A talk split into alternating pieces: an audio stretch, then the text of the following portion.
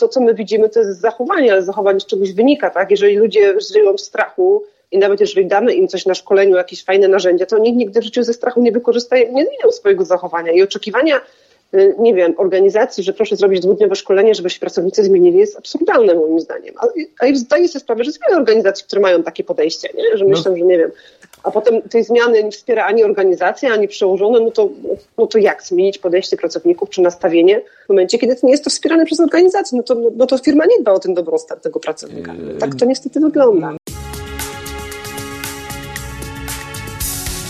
To jest podcast na zdrowie organizacji, którego celem jest dzielenie się ideami wspierającymi firmy w rozwoju. Cześć, witajcie na kanale podcastu na zdrowie organizacji.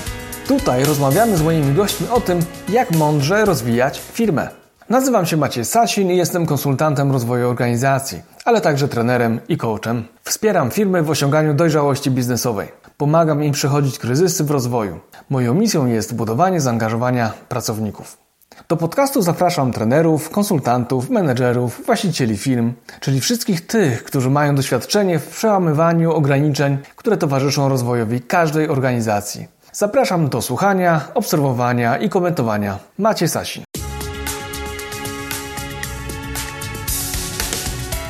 Gościem 31 odcinka podcastu na zdrowie organizacji jest Agnieszka Godlewska, HR Business Partner w firmie Bloom Polska z Poznania. To już trzeci odcinek serii poświęconej roli HR we firmie. W poprzednich dwóch rozmawiałem z Martą Connor z Kenna Metal i Marią Michalską z Douglas Polska. To te trzy odcinki są częścią mini-cyklu, z którego mogą czerpać nie tylko menedżerowie i przedsiębiorcy MŚP, ale i duże organizacje, które chcą brać wzorce od najlepszych. Co ważne, każda z tych osób goszczących w moim podcaście pochodziła z firmy o innej specyfice i kulturze organizacyjnej. Shared service, retail i produkcja. Łączy się jedno profesjonalne nastawienie do rozwoju biznesu. Z Agnieszką Godlewską rozmawialiśmy w dużej mierze na temat łączenia dobrostanu pracowników z efektywnością i zaangażowaniem pracowników. W naszej rozmowie pojawiły się wątki dotyczące COVID-19, budowania kultury organizacyjnej czy sztuki budowania zespołów. Wątków było naprawdę wiele, dlatego tym bardziej zapraszam do słuchania, ponieważ można znaleźć tutaj wiele inspiracji do tworzenia funkcji HR w organizacji. Agnieszka miała być naszym gościem 31 marca na konferencji poświęconej budowaniu kultury organizacyjnej. Niestety wtedy nie było to możliwe, dlatego tym bardziej cieszę się, że nasza rozmowa w końcu doszła do skutku. Zatem zapraszam do posłuchania rozmowy z Agnieszką Godlewską, HR Business Partner w Bloom Polska.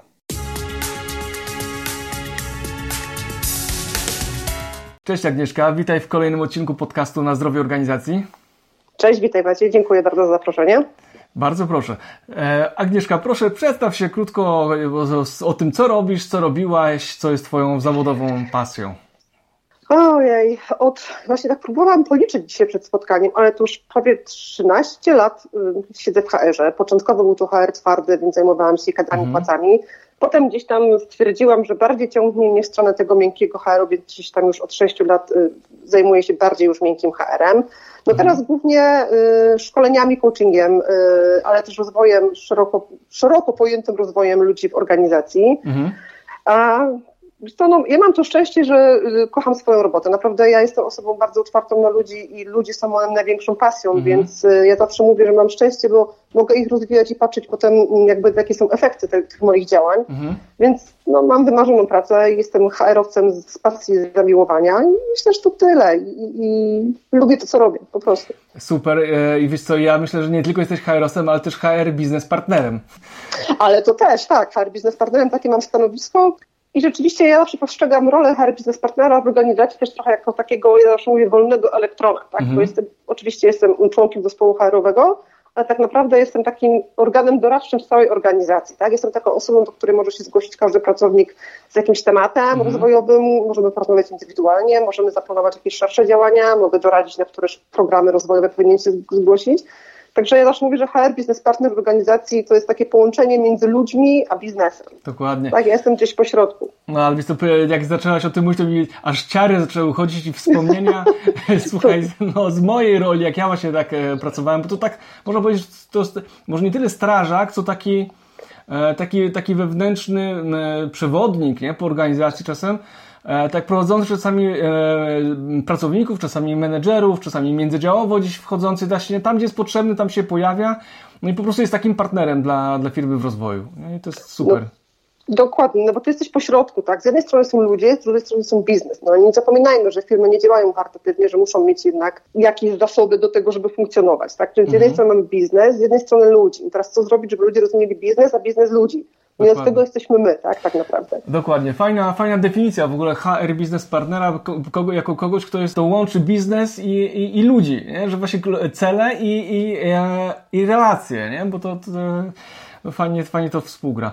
No dobra, Agnieszka, ty masz bardzo dużo doświadczeń i z dużych organizacji, i z mniejszych, e, z tego twardego HR-u i tego miękkiego, e, w dużych organizacjach, właśnie mniejszych, w różnych, e, z różnych kultur organizacyjnych, e, w sensie różnych też nawet krajów te firmy pochodziły. Mhm. I teraz, no, mając ten cały background, na pewno wypracowałaś sobie taką swoją własną definicję zdrowia organizacji. Powiedz, jak ty postrzegasz, co to znaczy zdrowa organizacja albo zdrowy zespół? No, w zależności jakby jak, jak, jak, jak chcesz spojrzeć, która, która perspektywa ci bliższa? Wiesz co, to jest w ogóle e, gdzieś tam, jak zaczynaliśmy rozmawiać o tym pomyśle, że będziemy ze sobą rozmawiać e, tak bardziej publicznie, to zaczęłam się nad tym zastanawiać, co dla mnie mm, oznacza e, zdrowa organizacja. Gdzieś mi ostatnio po drodze bardzo jest z psychologią mm, pozytywną i, i z takim słowem jak dobrostan. Mhm. I tak sobie stworzyłam taką moją własną definicję zdrowej organizacji to powiedziałabym, że dla mnie osobiście zdrowa organizacja to jest taka, która dba o swój dobrostan poprzez to, że dba o dobrostan swoich pracowników. Że następuje okay. taki idealny balans, tak? Że wiadomo, że dbamy o biznes, że firma dba o to, żeby miała środki do tego, żeby mogła funkcjonować, ale z drugiej strony osiąga to poprzez to, że dba o swoich pracowników. To jest dla mnie idealna zdrowa organizacja. Super. To jest takie, e, powiedziałbym, idealne połączenie i takie bardzo nowoczesne, bo nawet jeżeli spojrzymy na nurt turkusowych organizacji, no to tam właśnie mhm. mamy takie podejście, w którym no człowiek jest bardzo ważny. Jest taka, człowiek jest, jest tutaj pełnią, znaczy jest zatrudniany jako, jako, jako całość, jako, jako osoba, która jest pełnowartościowa i wnosi, może wnieść coś do, do organizacji. Organizacja troszczy o nią, ale ludzie też odwdzięczają się i pomagają Dokładnie. funkcjonować. E, ale miałeś doświadczenie z organizacją taką turkusową albo blisko będącą organizacji turkusowej? Wiesz to trudno nazwać organizacją turkusową, to była bardzo mała organizacja, której ja tam miałam bardzo krótką przygodę, dlatego że ja byłam po pracy, w ogóle to ciekawa historia, to zawsze wiesz mhm. o co spytać, to w ogóle też już za dobrze się znamy. E, I generalnie było tak, że ja pracowałam e, dwa lata w takim bardzo mocno, bardzo twarda, zarządzanie bardzo twardą ręką. Mhm. I przez krótki czas miałam taką przygodę z taką organizacją, gdzie tej struktury prawie nie było, była jedna osoba zarządzająca, było bardzo dużo swobody, wolności, w sumie te role mhm. tak się przenikały, mhm. każdy był odpowiedzialny za coś. To może tam było trochę turkusu, może nie z nazwy, ale bardziej z tego, jak to funkcjonowało. Mhm ale brakowało mi tam trochę pewnych struktur, takiego mhm. uporządkowania, bo też ja też nie do końca rozumiem Turkus jako totalną swobodę i, i tak. brak jakiejkolwiek organizacji. To też musi mieć swój ład i porządek, Dokładnie. tak? Mamy to zarządzanie współdzielone, mamy mm, podział tych różnych funkcji, ról i tak dalej, ale jednak muszą być jakieś zasady. Tam tego troszeczkę brakowało, wiesz? Mhm. Mam takie doświadczenie. Ale ogólnie ta idea o turkusowych organizacji, bo też pamiętam z Twojej konferencji Julia Kachlicka, no to Julia Kachlicka. turkusowego Poznania. Mhm no to świetna dziewczyna, no to, to, to, fajne są te tematy, naprawdę fajne, tylko tak sobie myślę, że takie bardzo duże organizacje, czy są na to jeszcze, czy są już na to gotowe. Miałabym taką wątpliwość, wiesz? Tak, wiesz co, masz rację, jakby, no, żeby być w Turkusie, być organizacją turkusową, to przede wszystkim e, musi być osoba zarządzająca, właściciel, który chce wejść w ten, w ten nurt i musi mieć to być silnie powiązane z wartościami, a nie z e, modą, nie? która często jest Wiesz, no ludzie, Dokładnie. Bo to być dobrze, dobrze być e, PR-owo turkusową organizacją, bo się o tym dużo mówi i, i, i jest to temat, bym powiedział, no, no po prostu modny bardzo często ludzie nie rozumieją tego, a przykładem tego jakieś jest to, że kiedyś e, do nas zadzwonił klient i, i mówi, że on by chciał takie dwudniowe szkolenie z turkusowych organizacji, żeby, żeby się stali turkusową organizacją. No i wiesz, trudna była ta rozmowa, ponieważ no, musiałem jakby wyjaśnić, że to no, cudów nie ma i to nie jest tak proste, żeby w ciągu dwu, dwudniowego szkolenia zrobić e, turkusową organizację, a poza tym słowo turkusowa organizacja jest takim kluczem, wytrychem, a tak naprawdę nie ma to jednego przepisu, to jest tylko pewnego rodzaju, jakby to powiedzieć, e, drogowskaz, nie? Drogowskaz.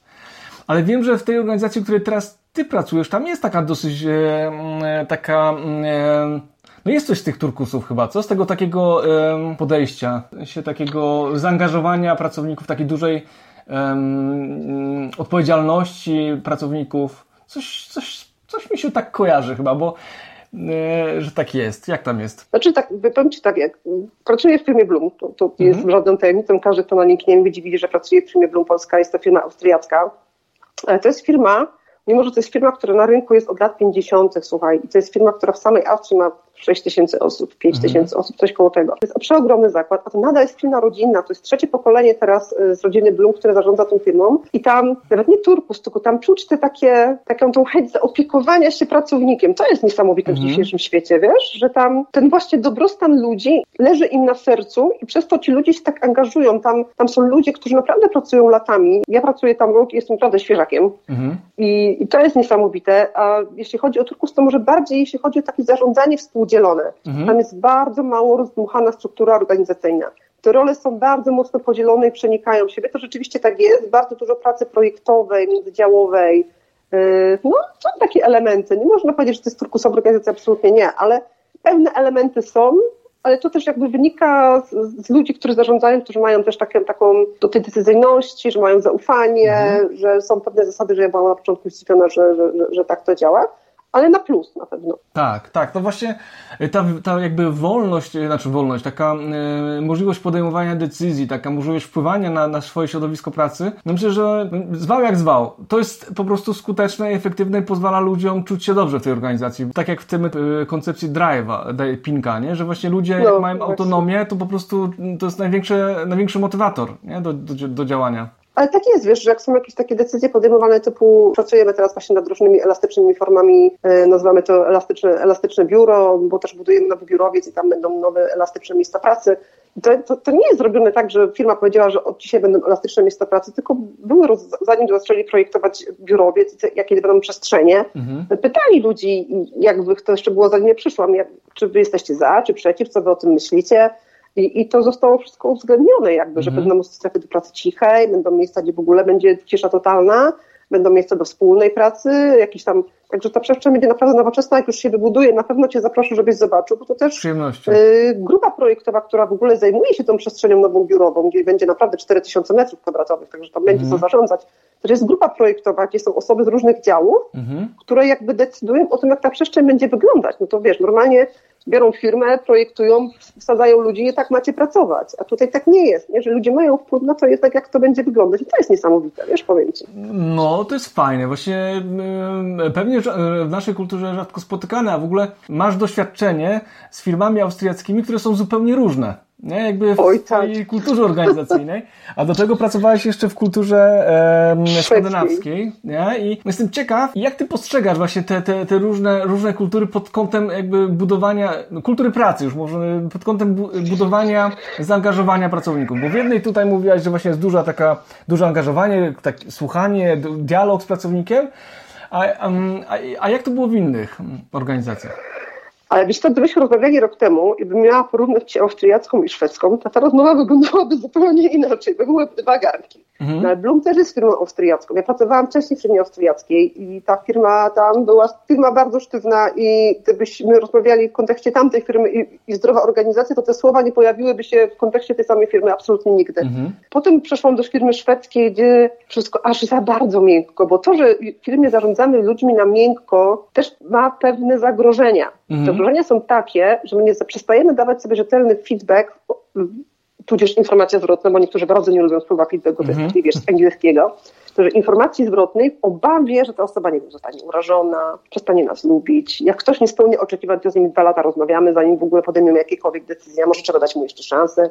Mhm. I te niektóre rzeczy, przez to, że to jest tak bardzo na miękko i tak bardzo naokoło, niekoniecznie są efektywne w moim odczuciu takim HR-owym, nie? Mhm. że między bardzo źle, a bardzo dobrze jest jeszcze cały środek, który nie jest wykorzystywany w tych organizacjach takich mhm. bardzo miękkich, jak ja to mówię, I, i trzeba też mieć tego świadomość, że między takim zarządzaniem twardym, złym, nie rób tego, a pomiędzy takim naprawdę aż za miękko jest jeszcze cała przestrzeń do tego, że można można od ludzi wymagać, można delegować zadania i sprawdzić, czy są rozliczone w sposób humanitarny po prostu. No, Myślę, że tu są takie ryzyka w tych takich bardzo miękkich organizacjach. E, dokładnie, no można trochę wylać dziecka, dziecko z kąpielą, jeżeli się zbyt miękko podchodzi do tematu, ale tutaj trochę to, co mówisz, to mi się wpisuje z taką filozoficzną koncepcję Arystotelesa, e, koncepcji złotego środka, tak, że że musimy... No tak, zapomniałam, że ty po filozofii No, ale to tak wiesz... Musi... Ja też, więc uważaj. Aha, bo ty jesteś dokładnie, ty jesteś po, ale po komunikacji społecznej jesteś. Tak, tak, filozofia z komunikacją społeczną. No, tak no to właśnie to, to podejście tego złotego środka, to, to, jest, to jest jakby to, co e, to, to, co blisko jest tej twojej wypowiedzi właśnie, że ani w jedną stronę, ani w drugą nie jest zbyt dobrze. Ja to zawsze mówię, że ani e, relacje, ani wyniki, nie? Jakby e, nie, znaczy stawianie na wyniki albo tylko na relacje powoduje, że prędzej czy później to się taka, mm, to się rozjedzie nam, albo ludzie będą zajechani, albo ludzie będą e, no, niezbyt zaangażowani, czy nie będą potrafili docenić tego, co, co otrzymują i no trzeba jednak ukierunkowywać gdzieś i łączyć te dwie, dwie cechy, więc fajnie, że o tym mówisz. Dokładnie, ale to też wiesz, to można zrobić na miękko, ale efektywnie, nie? że są teraz takie fajne narzędzia w ogóle. Y, ja jestem bardzo dużą fanką w ogóle y, takiego pana, który nazywa się y, Benewicz, Maciej Benewicz, on jest mhm. świetne książki, polecam. Mhm. Jak ktoś szuka takich fajnych narzędzi do pracy z, z grupą ludzi, to, to tam on świetne rzeczy pisze. Takie też podejście ma kognitywne do coachingu. Tak, I tam jest tak, tak. dużo fajnych rzeczy, że najpierw my się zastanówmy, czego my chcemy, tak? co my chcemy osiągnąć, no bo to jest tak jak z tą górą lodowodzielca, nie? Widać na tylko zachowania, ale to pod spodem jest to wszystko, mhm. nie? z mhm. czego to się bierze.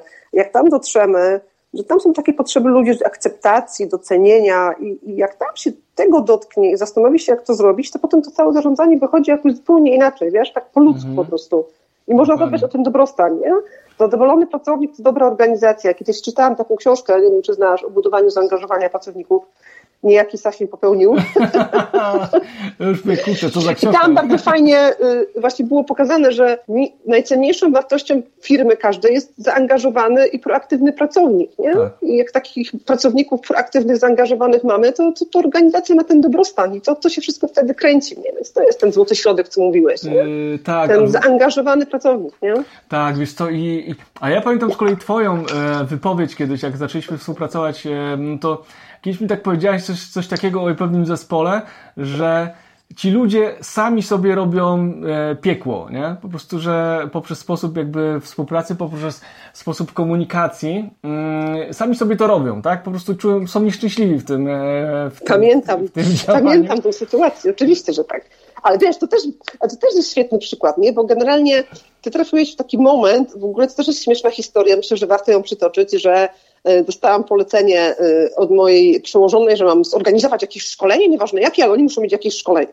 Mhm. Wiesz, siedzę, zastanawiam się i w tym samym dniu zadzwonił do mnie twój ówczesny współpracownik Wojtek Śląski, mhm. że on tutaj jest takiej firmy szkoleniowej i generalnie czy byśmy czegoś nie potrzebowali. wie pan co, ale pan nic nie trafił, bo ja właśnie muszę znaleźć jakąś firmę.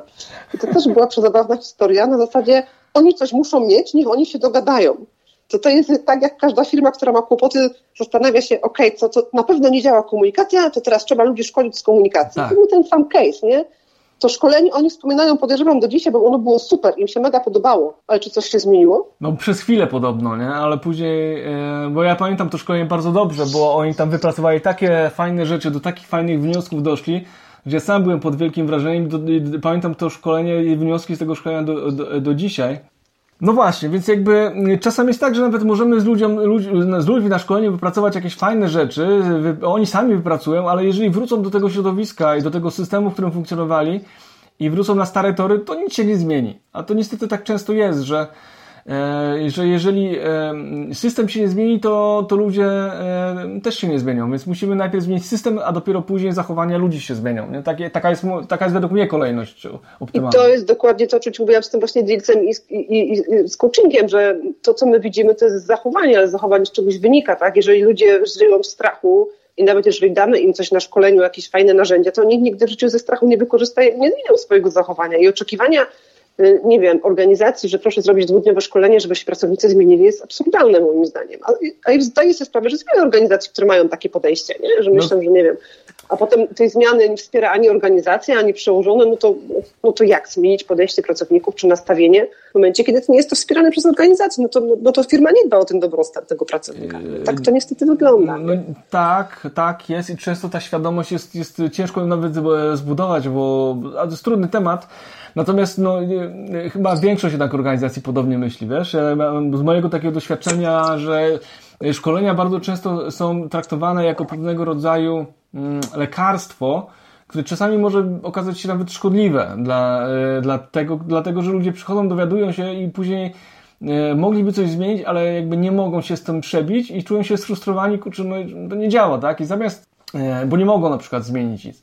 Zamiast mhm. być szczęśliwym, że teraz coś mogą zrobić, to stwierdzą, no kurczę, to nie jest fajne to, co tu się dzieje, wiem jak to zrobić, ale nie mogę tego zrobić, więc może poszukam swojej drogi gdzieś indziej, tak? żeby, się, żeby się oderwać.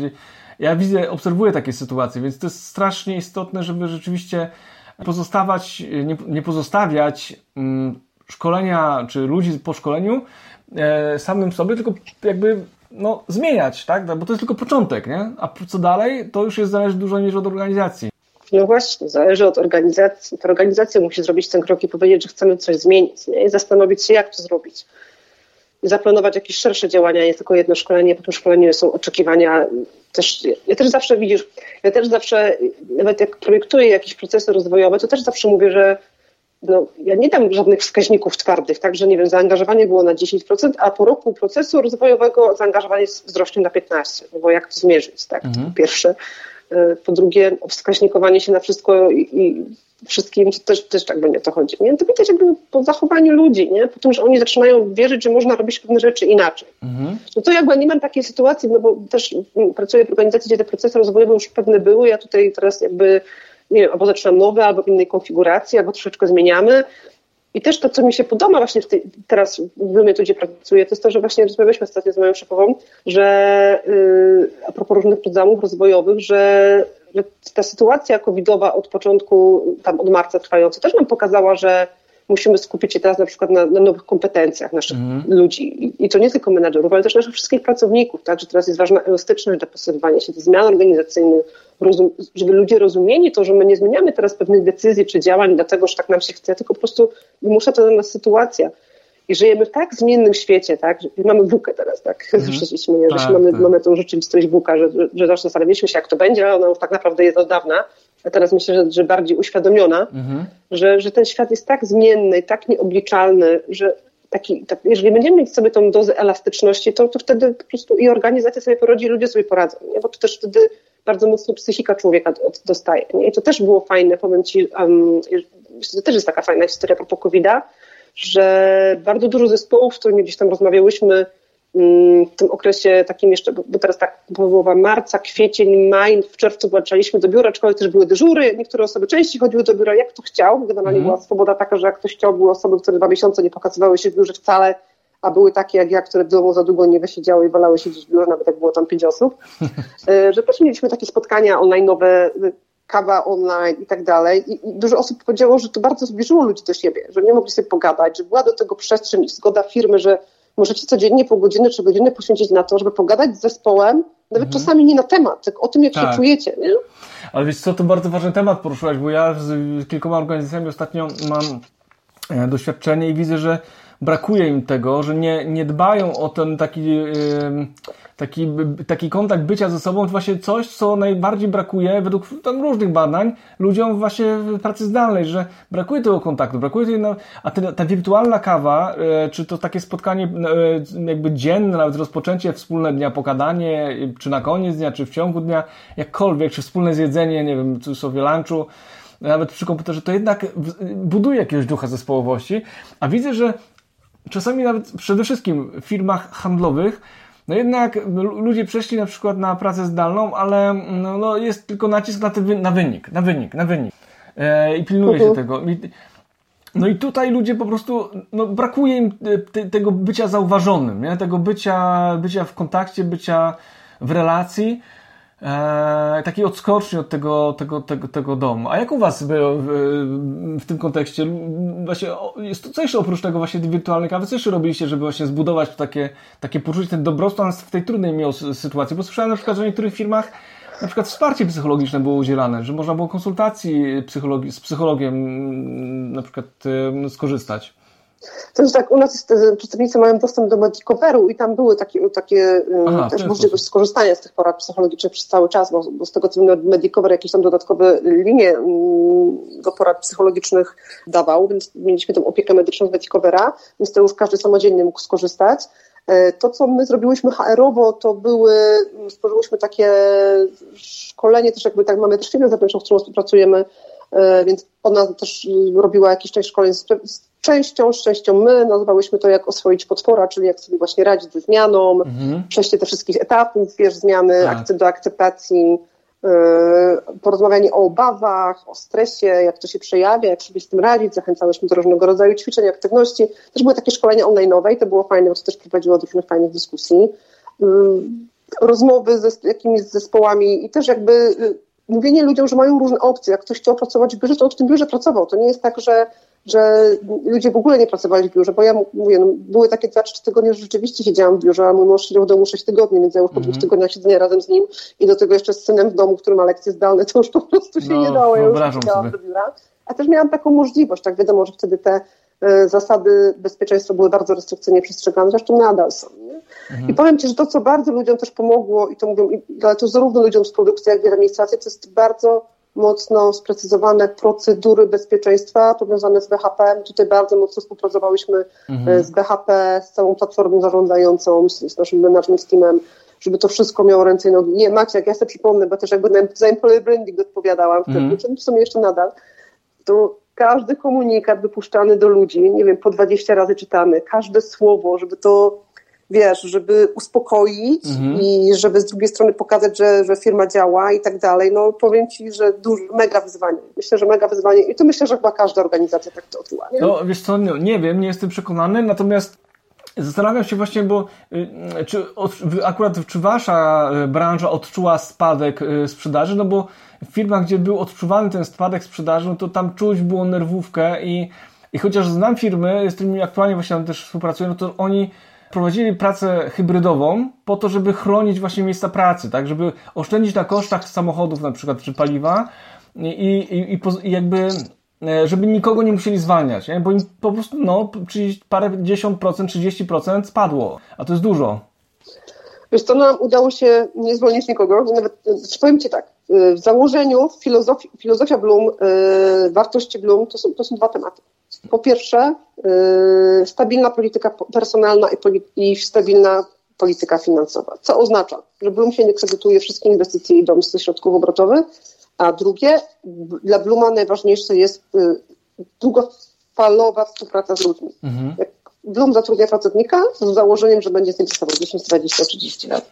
I to były dwa podstawowe, najważniejsze rzeczy, jakie były już jak zaczęła się cała pandemia. To były dwie rzeczy, które były podkreślane w każdym komunikacie, były podkreślane przez właścicieli, którzy też bardzo dużo informacji umieszczali na naszym intranecie, w którym my tłumaczyliśmy do ludzi i, i im przy, przy, też jakby stworzyliśmy taką y, komórkową wersję naszego intranetu, żeby każdy pracownik z komórki w domu mógł sobie mhm. przeczytać, gdzie były najczęściej zadawane pytania, niezbędne informacje, komunikaty itd., tak itd. Tak Dużą roboty chłopaki z produkcji, brygadziści, nasi opiekunowie którzy byli w stałym kontakcie z pracownikami, ponieważ przez cały czas trwania kryzysu tego pandemicznego ten, mówię o tym najgorszym czasie, tak? Mhm. Kwiecień, ten, ten okres kwietnia, myślę, że to był taki naj, naj, naj, najgorszy. Dwa tygodnie po prostu produkcji i to też jakby nie całe i potem wiadomo, po 7 godzin z przerwami, żeby była czas na dezynfekcję szatni i ta cała logistyka tutaj naprawdę szacun dla mojej koleżanki Anny, która po prostu, ja nie wiem jak ona ta dziewczyna to ogarnęła, ale jest po prostu niesamowita, jeśli mhm. chodzi o BHP Mieliśmy ten komfort, że naprawdę mieliśmy dziewczynę, która do tego podeszła. Ona po pierwsze jest też strasznym zapaleńcem, jeśli chodzi o BHP. Robi to z pasji. Mhm. I praca z takimi ludźmi, którzy robią te rzeczy z pasji, y, też, też fajnie działa w organizacji. Nie? Nawet jak już jesteś zmęczony dziesiąty raz poprawiając ten komunikat, ale wiesz, że ktoś się namęczył i musisz to zrobić, to też jest inaczej, wiesz? I tak. to jest to zaangażowanie Maciej, wiesz? Jak cię jak widzisz, że inni kręcą, kręci to, co robią, nie? Mhm. To jest też no fajne. właśnie, wiesz co, mi się przypomniała e, filozofia właśnie zatrudniania e, w Netflixie, jak o tym opowiadałaś, że właśnie tam zatrudniają ludzi, e, którzy nie angażowani są poprzez finanse, chociaż oczywiście też, ale przez to właśnie, że tworzy się kulturę, w której no, pracują ludzie, z którymi chce się pracować, którzy właśnie Dokładnie. Tak, nie są takimi zgniłymi jabłkami, które zarażają innych swoją złą energią, tylko po prostu zapalają do pracy, do, do współdziałania, do przekraczania ograniczeń i oczekiwań nawet. I to jest bardzo ważne, uważam, nie? w budowaniu zdrowych organizacji.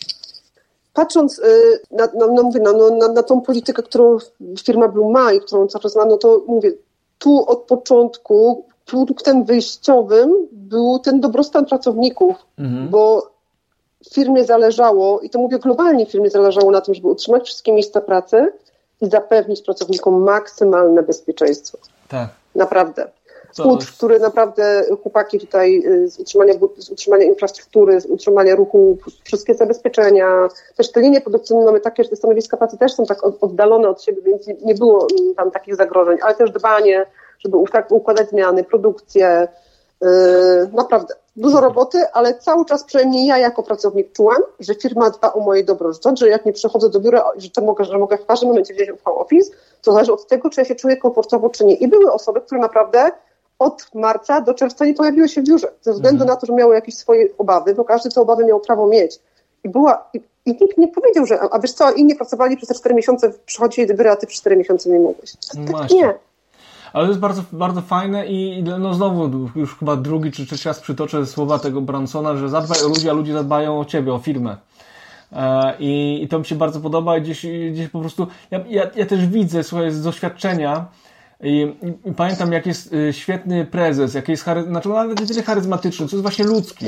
To, jest, to ludzie po prostu e, potrafią się odwdzięczyć swoją pracą, zaangażowaniem i nie trzeba ich specjalnie motywować, tylko trzeba po prostu stworzyć dobre warunki, w których oni będą mogli się realizować i, e, i firma będzie się rozwijać i będą e, wychodzić z inicjatywą. Nawet mogę powiedzieć o sobie, że dzięki właśnie tej osobie, dzięki temu prezesowi, ja wkładałem dużo więcej pracy niż musiałem, niż miałem jakby zakontraktowane, ale właśnie to był taki jego pozytywny wpływ, nie? że nie, nie, nie kontrolował, e, jakby raczej e, pogadał zawsze, e, pokazał jakby w którym kierunku trzeba zmierzać. No, no był po prostu, nie, nie tworzył tej takiej, wiesz, takiej różnicy, nie? jakby takiej statusowej, nie? którą właśnie często się odczuwa z osobami na wyższych stanowiskach i to w jakimś sensie no, ustawia nas w roli takiego no, czasami dziecka zbuntowanego, nie? które po prostu mówi, wiesz, nie chce mi się, nie? Albo, albo na złość to mu nie zrobię, nie? Albo a co mi tu będzie, nie? I to, a tutaj partnerska relacja powoduje, że czujesz się traktowany traktowana jako, jako partner i jakby i wtedy się wychodzi z inicjatywą, e, nie ma problemu, żeby zostać dłużej w pracy, a jak trzeba, to i można wyjść wcześniej. To jest takie, takie normalne po prostu. No. Fajnie i powiem Ci, że wydaje mi się, że to jest taki, wiesz, w każdą stronę, nie? Że, że pracownicy też y, doceniają to, jak firma dba o nich. Tak, tak. Że tak. gdzieś tam, jak pytałam nawet potem kolegów na, na, na jakimś tam, no też nam się udaje już teraz na szkolenia wyjeżdżać rzeczywiście w reżimie sanitarnym, wszystko robimy. Że też y, takie, taka anegdotka, zawsze też wysyłamy zdjęcie wszyscy w maseczkach, jak widzimy przez stolika do naszej koleżanki od BHP o Jasi, żeby, żeby wiedziała, że jesteśmy grzeczni. Mhm. Tak również jak jej nie ma. E, no, to jest fajne, że spytałam chłopaków kurczę, jak tam na produkcji, co ludzie mówią, że ludzie doceniają to, nie? że przecież widzieli, że gdzieś tam ileś osób poszło, że tu jakaś firma się zamyka obok, że tu, że tu znajomy nie ma pracy, więc y, ludzie to doceniają, wiesz, i tak. to jest fajne, myślę. Tak. Ja też to doceniam jako pracownik, że tak. miałam ten komfort, że y, otrzymałam informacje od mojej przełożonej, wiesz, jak zaczęła się pandemia, pracowałam raptem, poczekaj, y, październik, listopad, grudzień, styczeń, luty, masz 5 miesięcy. Mm. Miałam dziś z tyłu głowy. Ja pracuję 5 miesięcy, to jak będę, będą musieli kogoś zwolnić, no to jestem pierwsza, ale pamiętam, że gdzieś tam, nie wiem, po dwóch tygodniach e, moja, moja menedżerka, moja, moja Iza mi wzięła i mówi, Mieszka, firmie zależy na tym, żeby zatrzymać wszystkie miejsca pracy tak duże, jak to będzie możliwe, więc nie musisz się niczego obawiać. Też y, patrzymy zawsze pod względem, kto co wnosi do organizacji kompetencji, nie podejmuje decyzji na podstawie stażu.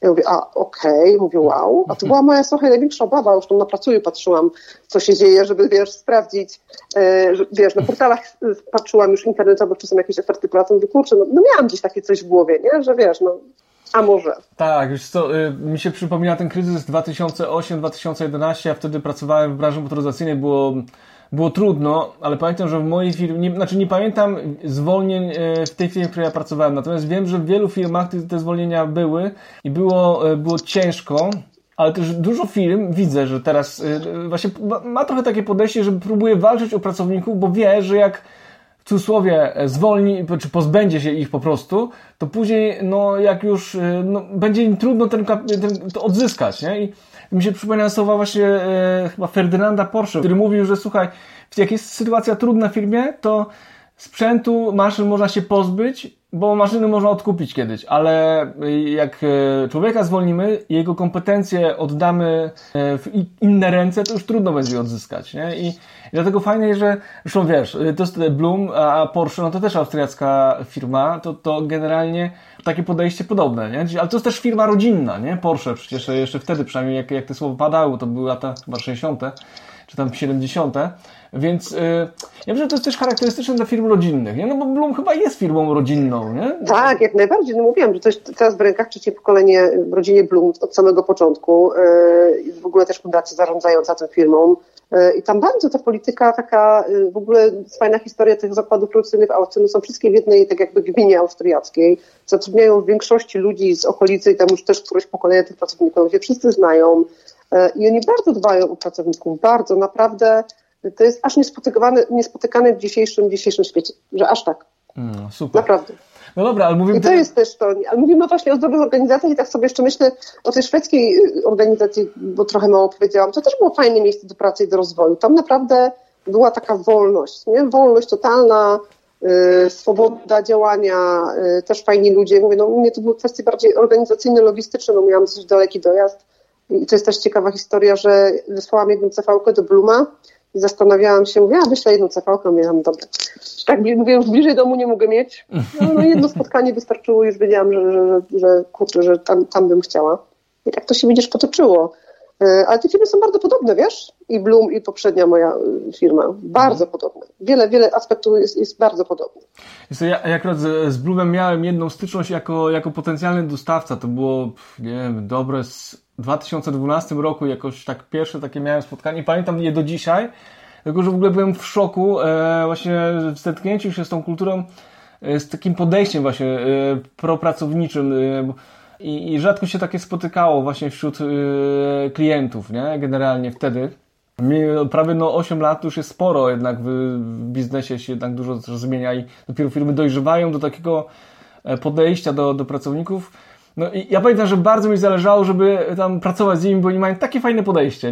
Takie rzeczy się pamięta, nie? Mimo, że tyle lat minęło. No dobra, ale tu tak maślimy, maślimy, ale no też... właśnie, nie? To ale dużo, chciałbym to może coś teraz złego powiemy. Tak, chciałbym, bo już powiedziałaś o jednej kwestii w kontekście zbyt miękkich, um, takich zbyt miękkich zasad w organizacji, ale jakie są, jakie widzisz jeszcze, oprócz takiej, no braku takich reguł, takich zasad, e, takiego, takiego też nastawienia na cel pewnie przy okazji, E, jakie jeszcze widzisz symptomy zazwyczaj e, braku zdrowia organizacji? Co jest takim twoim probierzem, że wchodzisz do firmy, do działu i widzisz, że hmm, coś tu jest nie tak?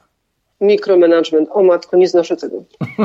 czyli, czyli mamy jakieś, wiesz, ogólnie przyjęte zasady, ale w tym dziale sobie robią inaczej, bo on sobie tak może, bo tutaj w końcu jest panem menadżerem, to on wie i on sobie mhm. będzie tak zarządzał. I on to w sumie wie, co ma swoim ludziom mówić i, i nie będzie im przekazywał wszelkich informacji, bo oni przecież tego nie potrzebują. To są rzeczy, które mi się światopoglądzie, jak ja to mówię, nie mieszczą. Właśnie, to jest też rzecz ważna, że to nie powiedziałam o zdrowych organizacjach, że jest równy dostęp do informacji dla każdego pracownika, tak?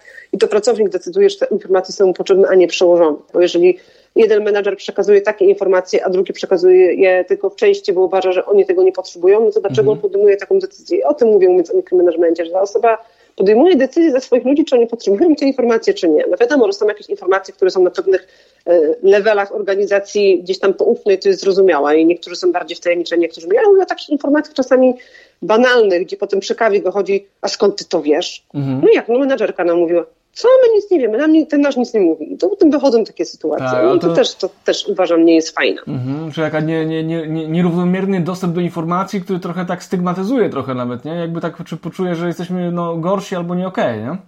Gorsi nie okej, okay, albo co więcej... Yy, tylko potem też zauważyłam takie sytuacje, gdzie ci ludzie zaczynają dostrzegać, że oni zawsze myśleli, że ten ich menedżer jest taki super, bo tak mhm. o nich dba, bo tak ich pilnuje, a to potem okazuje się, że to chyba nie do końca jest takie dobre, nie? Mhm. Bo jednak on przez to, że ich tak pilnuje, to on też y, i tak o nich dba dobrze, o nich dba, to też jakby dba o to, żeby za dużo nie wiedzieli.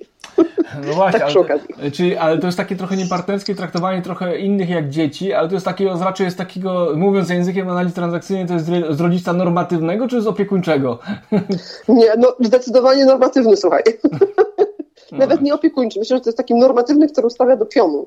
I po co ci to wiedzieć? Tego nie musisz wiedzieć. Oczywiście tak wiesz, trochę pół żartem, pół serio, ale przecież są takie sytuacje. To nawet często wynika z tego, że menadżer sobie nie zdaje sprawy, że on robi źle, że on tych wszystkich informacji nie przekazuje. Nie? Mhm. Też często jest tam gdzieś jakieś zakotwieczenie, no bo jego szef tak zawsze robi, on też tak robi, nikt się nigdy nie skarżył przecież, że czegoś nie wie. No ale jak mają się skarżyć, że nie wiedzą, skoro nie wiem, czego nie wiem?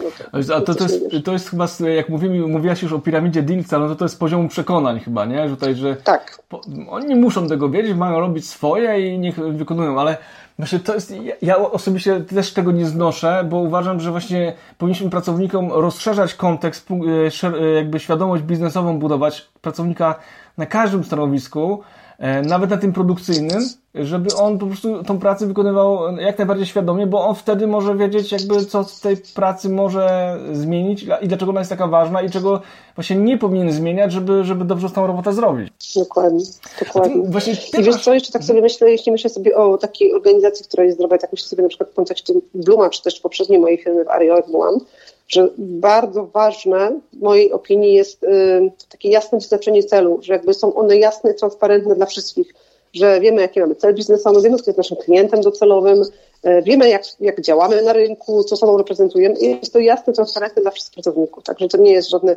ukryte, w żaden sposób zawoluowane, tylko każdy wie, że jesteśmy firmą taką, która ma takie i takie zasady i działamy tak, a nie inaczej na rynku, że te zasady są ok, a na pewne rzeczy się nie godzimy. Nie? Mhm. I powiem Ci, że w szwedzkiej firmie te zasady takie powiedziałabym, fair play biznesowe były bardzo, bardzo na wysokim poziomie. To też jakby wynikało z tego, że szwedzka firma wchodząca na szwedzką giełdę musi spełnić bardzo mm, wysokie wymagania. Mhm. W związku z tym, że musi mieć firma kodeks etyczny, moralny, mhm. taki ten Code Conduct się nazywa i te wszystkie zasady zgłaszania nieprawidłowości i muszą być z tego przeszkoleni absolutnie wszyscy pracownicy. Mhm. No Bardzo super. tego pilnują i też przestrzeganie jakby tych zasad. Nie te organy do, y, organy nie, ale na, narzędzia do zgłaszania są też bardzo wysoko rozwinięte. Nie? Mhm. Różnego rodzaju nieprawidłowości, sposoby weryfikacji tego. Potem mhm. No, to, to, to też... Y, to jest coś, co do u nas dopiero się rozwija, nie? Jakieś kodeksy antymobbingowe, czy polityka antymobbingowa. Tak, dokładnie. I, I, procedury zgłaszania nieprawidłowości. Tylko widzisz, co ciekawe jest, bo w Rumie też taką politykę mamy i to wynika też często z ISO. Nie, kodeks pracy wymaga e, też to, co jeszcze fajnie by było powiedzieć sobie właśnie, że y, misja, wizja, misja, wizja, wartości, czyli to są rzeczy, mhm. które wiele firm ma na papierze, a rzadko która firma tym żyje. To też potem poznasz fajną organizację zdrową, która nie boi się o tym mówić, a co więcej, nie boi się zapytać ludzi, co oni o tym myślą. I to no jest właśnie. fajne. I teraz właśnie ostatnio miałam fajną zabawę z Design Thinking, którą ja uwielbiam. Wzięliśmy 20 osób z różnych działów, łącznie z produkcją, wywieźliśmy ich na cały dniowy warsztat, gdzie mieli po prostu design thinking Y, zaprojektować właśnie, jak mówić o wartościach, żeby one rzeczywiście żyły. I to, to są fajne no właśnie, rzeczy, że my chcemy słuchać ludzi, nie? To jest mega istotne. Ja zawsze o to pytam. Ja właśnie o, każdego właśnie w tym cyklu HR-owym pytam o to, jak przekładacie, jakie macie takie metody przekładania e, wartości na konkretne działania, na konkretne praktyki wewnątrz, takie wiesz? Po prostu jak? Generalnie. Wartości. To może tak, dla mnie wartości to są określone postawy i zasady. Tak, mhm. że są pewne rzeczy, na które się w firmie godzimy i pewne rzeczy, na które się nie godzimy. Tak? Czyli jeżeli mamy, nie wiem, otwartość, uważność, to, że y, dajemy sobie otwartą informację zwrotną, to dla mnie to oznacza, że my tak ze sobą współpracujemy. I to zarówno w obrębie swojego działu, jak i z każdym innym pracownikiem, którego spotykamy na swojej drodze. Mhm. Że te zasady też na przykład, jeśli chodzi o produkcję, one są gdzieś wpisane też w taką, u nas nie ma ocen, są rozmowy rozwojowe mhm. i rozmowy podsumowujące, i one są często rozmowy podsumowujące, jak pracowniku odnosisz się do kolegów i mhm. koleżanek. Czy jesteś otwarty, czy jesteś elastyczny, jeżeli firma godzi się na pewne rzeczy w stosunku do ciebie, to czy ty również jesteś elastyczny i na przykład, nie wiem, e, jesteś otwarty na to, że jak jest potrzeba taka, że jest więcej, to ty, że zgodzisz się przejść na nadgodzinę, bo to nigdy nie jest zmuszanie, tylko zawsze jest zapytanie, czy wyrażasz zgodę, tak? czy przyjdziesz, czy, czy dasz mhm. radę. Więc y, ta elastyczność w dwie strony. Więc gdzieś to jest częścią tej, tej jakby podsumowania wydajności i efektywności pracownika. W przypadku administracji są rozmowy rozwojowe, są trochę dłuższe, ale tam też jest właśnie jak postępujesz z innymi, czy działasz w duchu, jakby to mówił, w duchu Bluma. Tak. To w ten sposób. I czy bardziej to na twardo? To nie wiem. Oczywiście, znaczy, no, ja nie, mówię, nie mówię na twardo, ale właśnie ten przykład, ten przykład, który podałaś z rozmowami rozwojowymi, które tych wartości dotyczą, no on jest no, dla mnie bardzo dobrym dowodem na to, że to fajnie działa, dlatego że e, Właściwie jest, ja jestem wielkim fanem w ogóle prowadzenia e, nie ocen okresowych, tylko e, rozmów rozwojowych na temat tego, jak nam się pracuje, czego my wzajemnie od siebie potrzebujemy, żeby osiągać wspólnie lepsze wyniki. I pamiętam właśnie w tej organizacji, w której ja pracowałem, wypracowaliśmy wartości, no i później właśnie system ocen e, okresowych najpierw mieliśmy wdrażać, to nawet już korporacyjnie przez e, sieć miało być to wdrażane, to kompletnie się nie przyjęło, bo arkusz oceny miał 15 stron i nikt nie miał czasu go przygotowywać, bo tam trzeba było chyba, wiesz, wszystko... 15? No i tam było wszystko, trzeba wyliczyć, jakieś po prostu cudawianki, no i my stwierdziliśmy, słuchajcie, zrobimy coś takiego, że mamy swoje wartości jako firma, rozmawiajmy o tych wartościach, tak? I w kontekście też oczywiście celów, ale w cele te w kontekście wyników, tak? Znaczy, co możemy zrobić, żeby te wyniki osiągać. No i niestety Później przyszła mm, inna firma, która jakby nas, mm, można powiedzieć, przejęła. Później przyszła kolejna firma i to wszystko się, że tak powiem, wiesz, te zmiany, ten tygiel, wejście w, te, jakby w ten wiry zmian, yy, yy, łączenia się firm, jakby wchodzenia w nowe struktury, spowodowało, że to się wszystko e, rozmyło i, i, i no i jakby upadło. Nie? No ale to jest świetny, uważam, świetny pomysł na to, żeby rozmawiać o wartościach na co dzień, znaczy na co dzień, no raz na jakiś czas, ale też do nich się odnosić. Ale wiesz, ten temat cały czas o tych wartościach, my tam mamy teraz na tapecie, nie? Czyli co zrobić, żeby te wartości rzeczywiście żyły, żeby ludzie je rozumieli. Mamy teraz takie różne pomysły, też e, Austria tym się zajmuje tak bardziej globalnie, bo to, co my wypracowaliśmy, szło też jakby oni zbierali input z całego świata, to jest mhm. też fajne, że na całym świecie ludzie mieli możliwość i ankiety, i wypowiedzenia się, i to mógł zrobić każdy. Super. Jak widzi wartości, co by trzeba zrobić, co by trzeba zmienić, żeby to było bardziej zrozumiałe i takie bardziej zjadliwe. Że nie pytają takie rzeczy, wiesz, mogli sobie wymyśleć, dostać do wszystkich, powiedzieć, a teraz tak róbcie.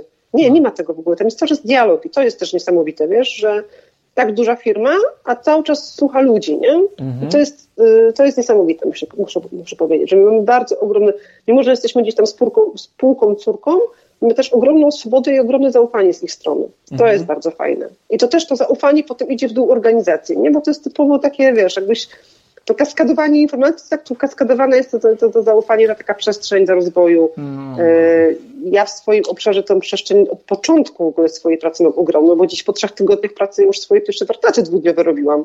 To jest w ogóle niesamowite. No wiesz, przychodzi obca baba do firmy i po trzech tygodniach jedzie warsztaty prowadzić, a jakiś głupotny gada, no to co, no wiesz. No tak. Wiesz? A tu po prostu od początku po prostu miałam full zaufanie i to było niesamowite. Ale że to, jest ogóle... nigdy było, nie było tak, że musiałam pracować na to zaufanie, tylko dostałam od początku ogromny kredyt i tylko musiałam udowodnić, że na niego zasługuję. Nawet nie musiałam, nikt nie powiedział, że teraz udowodnisz, że zasługujesz, tylko ja czułam, że dostałam tak ogromny kredyt zaufania w tej firmie, że tak, Aż mi się chciało jeszcze bardziej, wiesz? To jest piękne w ogóle, że właśnie to zaufanie tak nas motywuje i nas uskrzydla, można powiedzieć, nie? że ludzie jakby dają możliwość działania, nie blokują tego działania.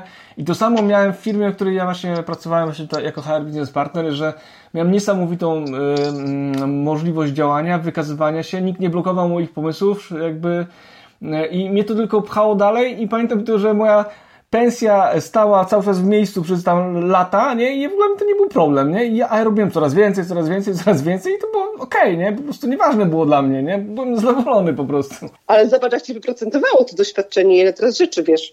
E, to tak, no przecież tam ta książka pierwszą, którą na, już tu wspomnieliśmy, to ona właściwie w dużej mierze bazowała na tamtych doświadczeniach, nie? Właśnie bycia od kuchni, bo ta idea, ja uwielbiam w ogóle mm, przyglądać się ludziom od kuchni, tak trochę nie po psychologicznemu, tylko po socjologicznemu bycia, wiesz, bycia w środku, bycia częścią czegoś, a jednocześnie obserwowania tego, nie? Taka metoda badawcza z socjologii to właśnie, wiesz, jak chcesz rozumieć, e, jak wygląda świat budowlańców albo alkoholików pod sklepem, to po prostu i z nimi pij, nie? I, wiesz, i zrozumiesz wtedy, Dobre. nie?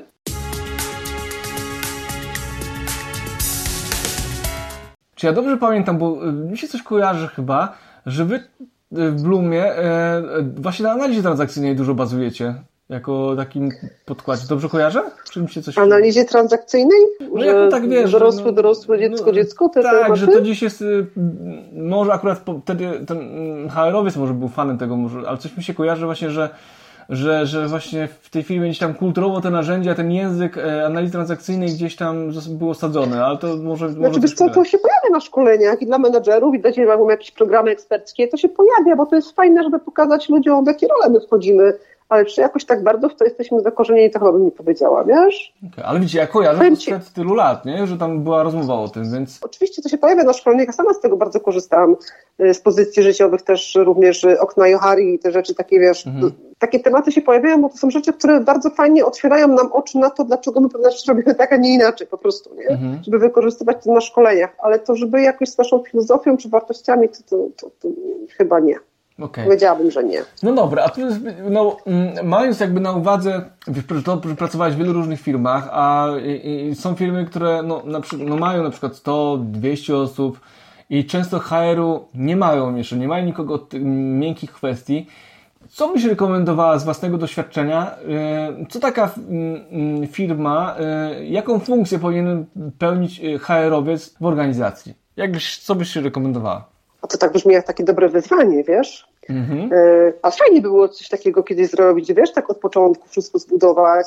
Myślę, że przede wszystkim zaczęłabym od tego, żeby zbudować e, od samego początku taką, e, żeby mieć pewność, że osoby, które wymyśliły, że chcą mieć ten HR, były świadome, z czym to się wiąże, żeby dały pewną swobodę i taki kredyt zaufania, mhm. że ta osoba, która przychodzi pewnymi kompetencjami, będzie robiła to, co jest dla firmy, dla ludzi najlepsze, tak? Mhm. Żeby stworzyć jakąś, jakiś plan, myślę, długoterminowy. Y, myślę, że jeżeli nie było, to na pewno jakaś diagnoza potrzeb jakimiś fajnymi narzędziami, żeby zobaczyć, czego potrzebują ludzie, czego oczekują, zobaczyć, czego potrzebuje organizacja y, i zaplanować te działania. Myślę, że tutaj myślę na początku bardzo dużo y, planowania, bardzo dobrego planowania z harmonogramem konkretnych działań, zaplanowanie ich w konkretnych obszarach od kadry menedżerskiej poprzez kluczowe osoby w firmie, różne zespoły, żeby zobaczyć, jak to wszystko działa kurczę, bardzo dużo roboty, powiem ci. To byś, mm. musiałbyś mi dać tak z dwa dni, to bym ci wysłała gotowy plan.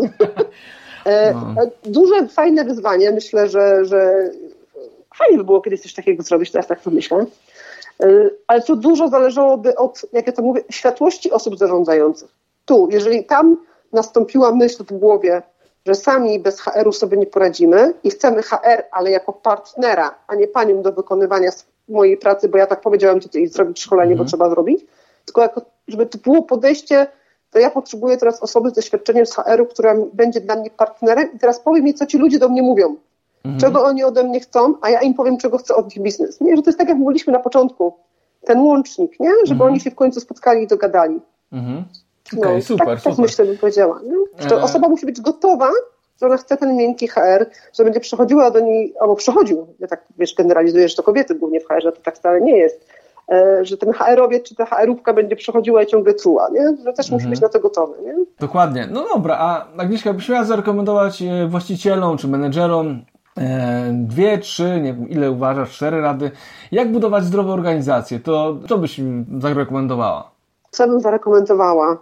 To dbaj, znaczy to pierwsze, to co chyba powiedzieliśmy na początku i to co dla mnie jest najważniejsze, dbaj o dobrostan swoich pracowników, a oni zadbają o dobrostan twojej firmy.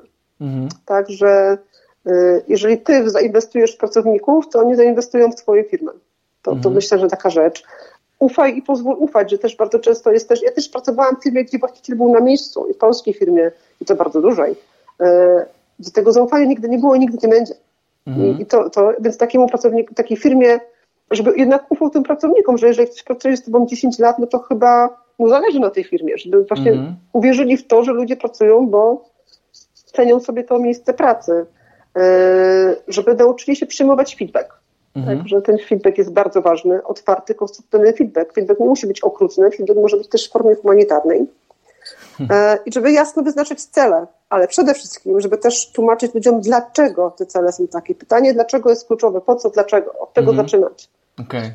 Super, no bo mm, tak już mówiliśmy, że jakby e, czasami ludziom brakuje po prostu takich intencji, znaczy zrozumienia szerszego kontekstu, szerszego obrazka i, i, i, ja zawsze to, no dużo energii poświęcam na to, żeby gdzieś to w organizacjach zrobić, żeby, żeby zbudować ten cały obrazek, czy to na warsztatach, czy to w rozmowie z menedżerami, bo, bo, bo wtedy ludzie mogą się w pełni zaangażować. Na koniec ostatnie pytanie, miałem zadać wcześniej, ale zadam je na koniec. Co jest kosztem tego braku zdrowia organizacji z Twojej perspektywy? Do czego doprowadza ją, do czego doprowadzają choroby organizacyjne? Przede wszystkim do tego, że pracownicy są mniej wydajni, bo są zestresowani. To jest moim zdaniem naj, naj, największe zagrożenie.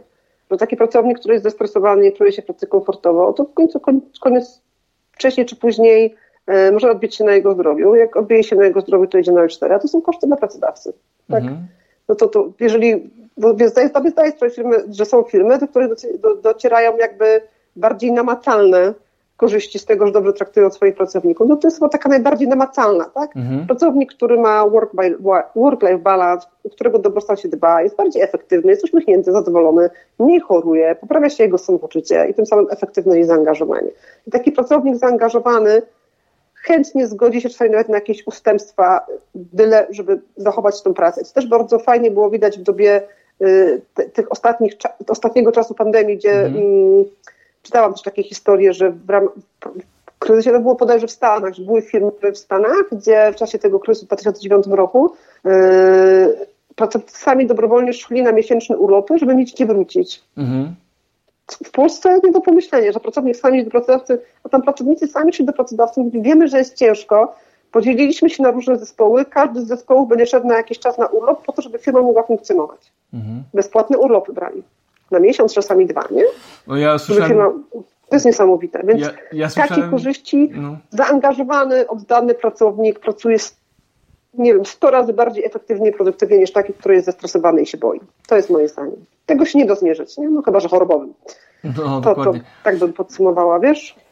Dokładnie. Ja słyszałem za to w kilku przypadkach w Polsce, że właśnie ten kryzys wykorzystuje do tego, żeby pozbyć się tych, którzy są, no, no, którymi nie potrafi rozmawiać, nie potrafi się dawać pewnej informacji zwrotnej i żeby w jakiś sposób mogli e, zmienić swoją postawę i po prostu wykorzystują ten moment do tego, żeby tych, nie wiem, mniej efektywnych albo może krnobrnych po prostu, albo przed emeryturą pozbyć się, y, korzystając z tych e, sytuacji. Nie? No są, takie, są takie sytuacje, spotkałem się z... Hmm, znów wracamy do tego, że są organizacje takie i takie. I są takie, i zawsze, myślę, że nigdy nie będzie tak, że wszystkie organizacje będą super, zawsze będą takie, które będą wykorzystywały furteczki, które im się otwierają i tak dalej. No ale wiesz, ani ty, ani ja takich nie pracować nigdy nie będziemy, bo jesteśmy zbyt świadomi. I myślę, że też świadomość ludzi coraz bardziej i oczekiwania w stosunku do pracodawcy wzrastają, bo obserwując rynek pracy w Poznaniu, teraz mamy, rozpoczęliśmy teraz kilka procesów rekrutacyjnych w związku z tym, że nam się firma dosyć dynamicznie rozwija, nie zauważyłam, żeby się zmieniła jakoś drastycznie do, do tej ilości cv która była na przykład na początku roku.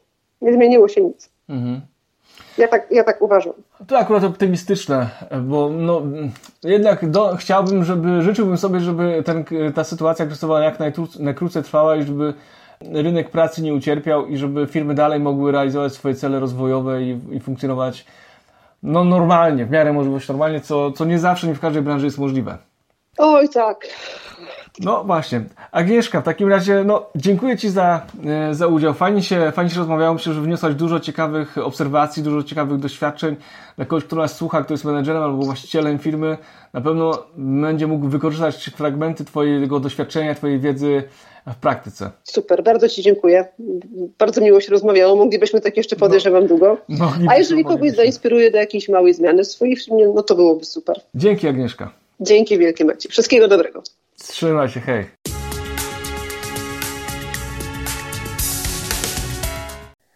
Dziękuję za wysłuchanie 31 odcinka podcastu Na zdrowie organizacji. To już koniec krótkiej serii z HR Biznes Partnerami w tle. Ale oczywiście nie oznacza to końca tematu HR w moim podcaście. Ta rola jest mi szczególnie bliska, ponieważ sam ją pełniłem przez blisko 7 lat i wiem, jak może mieć pozytywny wpływ na funkcjonowanie organizacji. Jeśli podobają Ci się treści, które zamieszczam tutaj w podcaście, zapraszam do subskrybowania oraz śledzenia aktywności w social mediach. Podziel się tym podcastem ze swoimi znajomymi, którzy być może poszukują treści, które tutaj są zamieszczane. Ja ze swojej strony nadal będę starał się dostarczać wiedzę i interesujących gości, z którymi będziemy rozmawiać o rozwoju i budowaniu zdrowych firm. Kolejnym tematem, który będę poruszał w podcaście, będzie temat innowacyjności i poszukiwania nowych dróg w rozwoju biznesu, ze szczególnym uwzględnieniem sytuacji kryzysowej, jaką mamy aktualnie. W kolejnych odcinkach sam lub z moimi gośćmi będziemy poszukiwać odpowiedzi na pytanie, jak utrzymać i rozwijać biznes w trudnych czasach. Teraz już dziękuję za to, że jesteś tutaj ze mną. Pozdrawiam serdecznie. Maciej Sasin. Na zdrowie organizacji.